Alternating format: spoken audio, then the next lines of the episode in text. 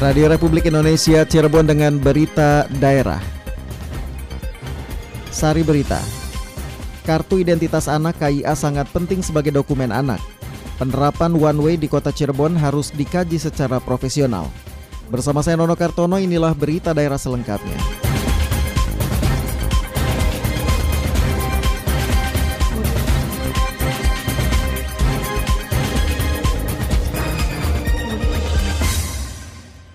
Direktur Women Crisis Center WCC Mawar Balkis menilai kepemilikan kartu identitas anak KIA perlu mendapatkan perhatian dari semua elemen. Informasi selengkapnya dilaporkan Yulianti.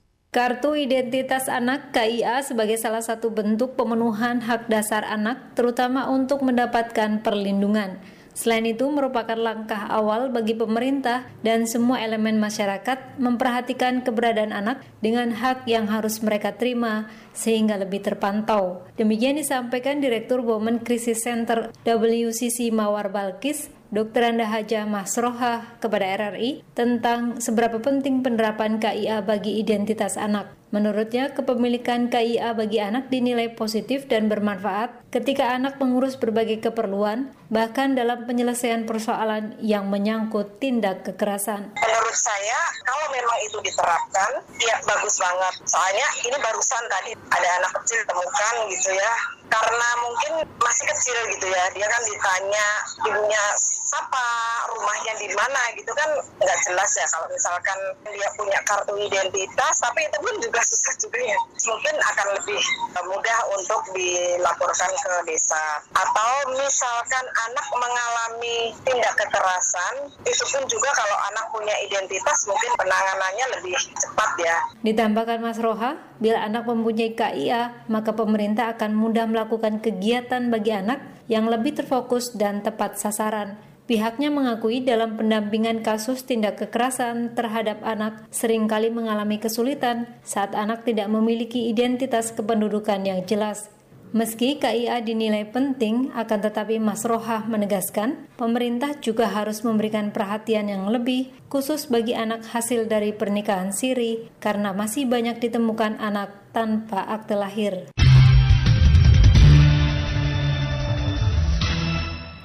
Berikut komentar masyarakat mengenai seberapa penting penerapan KIA bagi identitas anak yang berhasil dihimpun RRI. Saya Rahmat Agus Rianto dari Desa Pleret, Kabupaten Cirebon. Terkait dengan kartu identitas anak usia 0 sampai 17 tahun sangat perlu dikarenakan identitas merupakan suatu tanda atau catatan khusus bagi warga negara apabila anak-anak jika suatu saat ada kendala otomatis kartu identitas anak itu bisa digunakan sebagai catatan diri, catatan pribadi. Saat ini pemerintah telah mewajibkan setiap anak memiliki kartu e, identitas. Mungkin memang sudah saatnya negara kita menerapkan wajib e, memiliki kartu identitas tidak hanya kepada orang dewasa karena anak-anak juga memiliki hak untuk mendapatkan segala program manfaat dari pemerintah. Ya, menurut saya perlu adanya kartu identitas anak karena memang pertama untuk kelengkapan data kependudukan, yang kedua yaitu mudah untuk melakukan sesuatu. Contohnya misalnya untuk naik pesawat, itu kan atau naik kereta api, itu kan bisa menggunakan kartu identitas anak. Nama saya Angga dari Pabuaran. Menurut saya kartu identitas anak ini ya bisa ya diperlukan ketika pada saat anak ini memang belum usia 17 tahun sehingga mereka mempunyai identitas kependudukan dalam hal ini walaupun berupa kartu keperluannya untuk kepentingan pendidikan, kesehatan dan yang lainnya sehingga kita sebagai orang tua lebih simpel. Pendengar untuk mengetahui lebih lanjut mengenai seberapa penting penerapan KIA bagi identitas anak, kita ikuti wawancara reporter Aji Satria dengan Kepala Dinas Kependudukan dan Pencatatan Sipil Kota Cirebon, Atang Hasan Dahlan. Patang, Kadis Capil terkait kartu identitas anak atau KIA. Itu seperti apa sih Pak secara global Pak? KIA itu ya sebetulnya sama aja dengan KTP, hmm. cuma untuk anak-anak ya, hmm. dari mulai lahir sampai usia 17 kurang sehari lah hmm. itu KIA itu kartu identitas anak sama aja dengan kalau orang dewasanya nanti setelah 17 itu KTP. Itu berlaku wajib untuk seluruh anak-anak atau tidak Pak Kadis? Ya wajib sih hmm. karena ya di situ biasanya ada suatu terutama untuk identitas anak kita juga hmm. dan dipergunakan bisa untuk ya misalnya di mall atau di kereta atau di mana-mana kan ada diskon gitu kayak gituan oh, lah. Ya. Oke itu biasanya uh, itu. Gitu. Sejauh ini Pak Kadis kesadaran masyarakat Kota Cirebon atau orang tuanya dalam membuatkan kia untuk anaknya bagaimana Pak? Sudah besar atau, atau masih kurang Pak? Kayaknya sekarang mulai ada peningkatan terutama hmm. penjaringan kita sudah seperti online itu yang kita ini intri in one itu yaitu begitu uh, ibunya melahirkan kita buatkan dari mulai masuk kartu identitas anu apa sih ke kakak dulu masuk masuk ke kakak atas namanya anak yang dilahirkan hmm. terus kita dapat akte lahir terus kita dapat kia anu kianya itu kianya itu. Oke, jadi orang tua hmm. harus mendaftarkan ya Pak biar anak juga lebih iya, aman ya, harus, ya. iya. Dan kita juga sebetulnya sudah terjun ke sekolah-sekolah tapi akan tetapi lebih baiknya lebih bagusnya yaitu ya dari mulai 0 sampai 5 tahun kita program baru 0 hmm. harusnya programnya kita itu 0 sampai dengan 5 tahun nah setelah 5 tahun itu nanti programnya dari lima tahun ke 17 itu ada fotonya gitu loh. Hmm. Kalau yang baru lahir kan nggak ada fotonya gitu bedanya. Iya, ya, nah secara keseluruhan Pak, masyarakat kota susah nggak sih Pak untuk membuat hal tersebut? Apakah malas-malesan atau bagaimana nih Pak Kadis melihatnya? Ya karena mungkin kurangnya ini ya penguasaan administrasi ya kita juga akhirnya kita terjun kayak model PAUD-PAUD jadi hmm. kita udah ada uh, melalui kader-kader hmm. terutama di kelurahan atau di hmm. kecamatan hmm. kita di RW-RW kan biasanya kan kayak model kita terjun misalnya sekarang ada pelayanan keliling sekarang di Pakalangan gitu kayak hmm. gitu nah itu ini apa sosialisasi kita sambil yang belum punya kita ini laksanakan. Ada sanksi tersendiri nggak Pak Kadis untuk orang tua atau masyarakat yang tidak mendaftarkan anaknya dalam membuat KIA?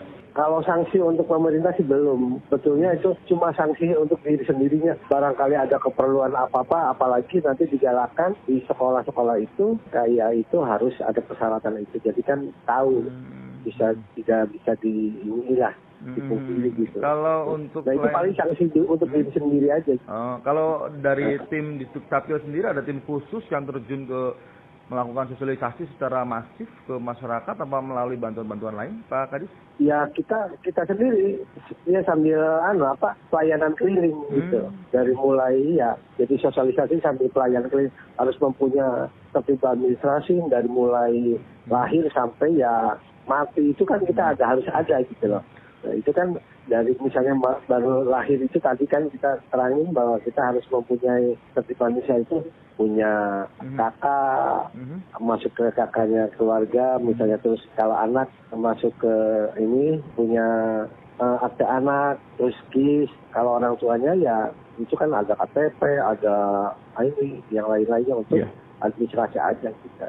Untuk saat ini belangkonya masih ada ya Pak? Untuk kias sih Pak? Siap ready ya Pak? Masih masih ada. Uh, alhamdulillah sekarang sudah ada terpenuhi ya, bukan Kia aja KTP juga sekarang. Makanya membludak KTP semua. Ya mungkin Pak Kadis terakhir himbauan untuk masyarakat, Pak Kadis silakan. Himbauan kepada masyarakat terutama untuk sebetulnya seperti administrasi bukannya dari ini.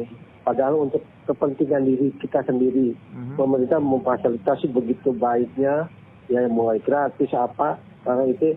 Terus pelayanannya juga kalau bisa pengurusannya itu tidak melalui orang lain lah kita datang sendiri nah kita akan di, uh, di, diberikan pelayanan seperti betulnya jadi kita tahu untuk administrasi kita sendiri sebetulnya oh. kebutuhannya itu. Baik terima kasih nih Pak Kadis. Sudah okay. berbincang dengan RRI ini Pak Kadis. Mudah-mudahan ya, okay. bisa bermanfaat untuk masyarakat ya? Amin. Amin. Baik terima kasih. Assalamualaikum warahmatullahi wabarakatuh. Waalaikumsalam warahmatullahi wabarakatuh Sekitar 150 orang yang terdiri dari anggota Ditpol Airut, Polda Jabar, dan masyarakat sekitar gotong royong membersihkan permukaan kolam CUPD Kesenden Kota Cirebon yang dipenuhi oleh tanaman eceng gondok. Kegiatan bersih-bersih kolam yang berada di lingkungan Makodit Pol Airut Polda Jabar dipimpin langsung oleh Direktur Pol Airut Polda Jabar Kombes Pol Widi Handoko. Menurut Kombes Pol Widi, aksi bersih-bersih ini juga merupakan bagian dari pelaksanaan program Quick Wins 6 Polri sebagai sebagian penggerak revolusi mental dan pelopor tertib sosial di ruang publik. Dirinya menuturkan permukaan kolam yang dipenuhi tanaman eceng gondok bisa mengakibatkan oksigen di dalam air berkurang. Tentunya ini juga dapat mengancam kehidupan populasi ikan atau makhluk lainnya di bawah air. Apalagi warga sekitar banyak memanfaatkan kolam tersebut sebagai destinasi olahraga memancing. Ditambahkan oleh Kombes Pol Widi, aksi bersih-bersih ini juga bukan hanya akan dilakukan hari ini, namun akan terus-menerus setiap harinya sampai seluruh permukaan kolam yang tertutupi eceng gondok bersih, termasuk juga wilayah sekitarnya.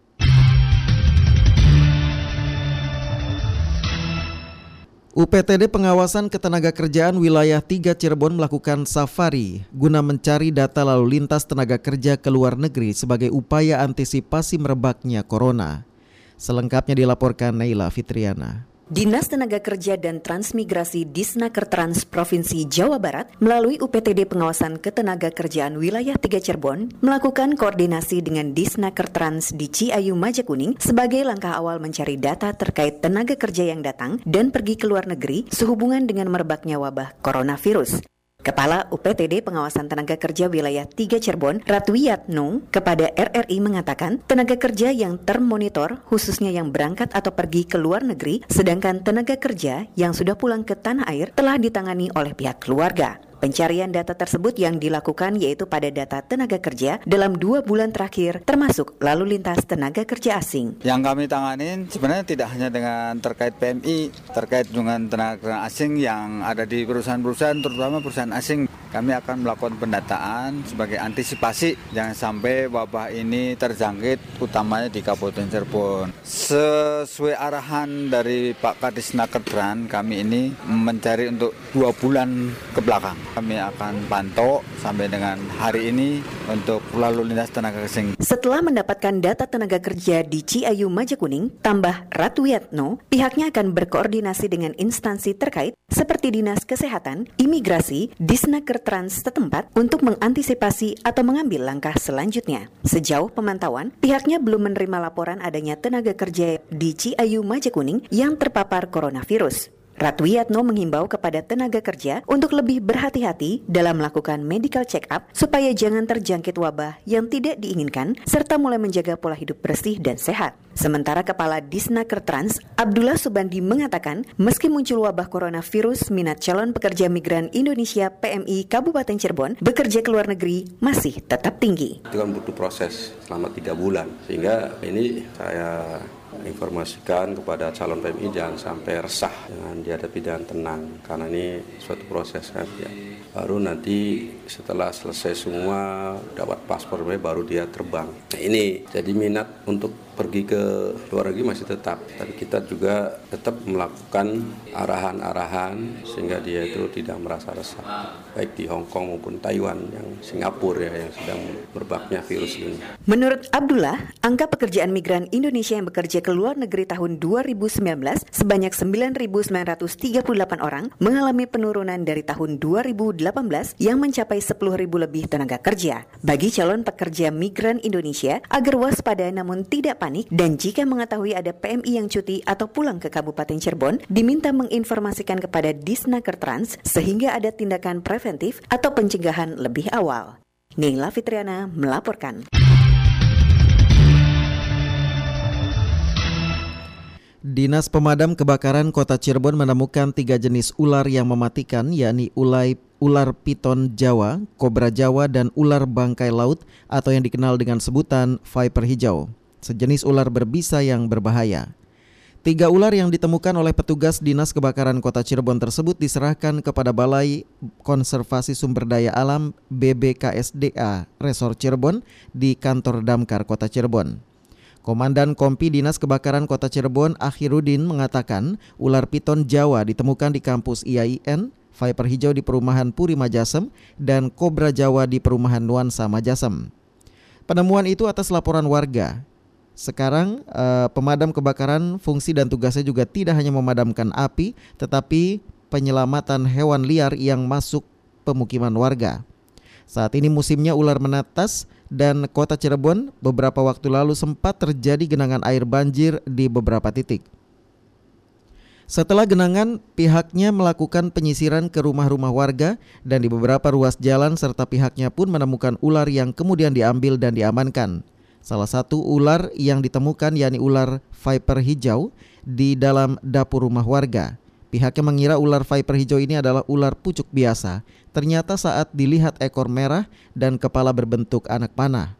Ular hijau ini juga sangat berbahaya karena memiliki bisa yang sangat mematikan. Sejak dua bulan terakhir, kata Ahirudin, terkait laporan ular sudah ada lima kasus. Sebelum penemuan piton ini sudah pernah menemukan di daerah Sunyaragi.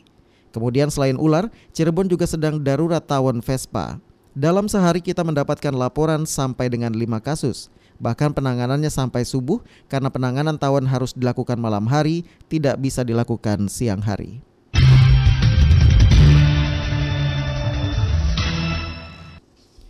Penerapan one way di kota Cirebon harus diiringi dengan kebijakan lain. Selengkapnya disampaikan Lengga Ferdiansah. Dinas Perhubungan Kota Cirebon sedang mengkaji dan menyusun skema lalu lintas atas rencana penerapan one way. One way merupakan salah satu upaya untuk mengurangi kemacetan di ruas jalan pusat Kota Cirebon. Sekretaris DPD Organda Cirebon Karsono SH mengapresiasi rencana tersebut sebab sudah saatnya dibuatkan solusi untuk mengurai kemacetan di Kota Cirebon. Berkaca dari penerapan one way yang pernah dilaksanakan sebelumnya diharapkan tidak hanya memindahkan kemacetan ke ruas jalan lain. Disurvey dikaji sehingga tidak ada istilah bottleneck dari hmm. satu kemacetan memindahkan kemacetan di jalur yang lain. Jadi yang terakhir sih kesimpulannya harus tiga hal terpenuhi, Pak. Yang pertama education, termasuk sosialisasi. Yang kedua investment tadi sarana dan prasarananya. Yang ketiganya enforcement penegakan hukum. Sementara itu Ketua Forum Lalu Lintas dan Angkutan Jalan FLLAJ Kota Cirebon, Profesor Dr. Adang Jumhur, MAG menegaskan penerapan one way harus diiringi dengan kebijakan lain. Satu arah itu tidak bisa hanya dalam satu jalur gitu, karena implikasi dari jalur yang satu arah ini kemudian akan berimbas pada jalur-jalur yang lain. Jadi penataannya harus simultan, setidaknya dua tiga jalur yang terkait dengan itu harus juga ikut di satu arahkan. Saya kira memang sejauh ini Dinas Perhubungan belum pernah yang mempresentasikan lah di depan forum lalu lintas ya untuk bagaimana skenario dan jalur-jalur mana saja yang akan diterapkan satu arah ini. Adang Jumhur meminta Dinas Perhubungan agar rencana penerapan one way dikaji terlebih dahulu agar tidak ada yang dirugikan seperti angkutan kota. Lengga Ferdiansa melaporkan.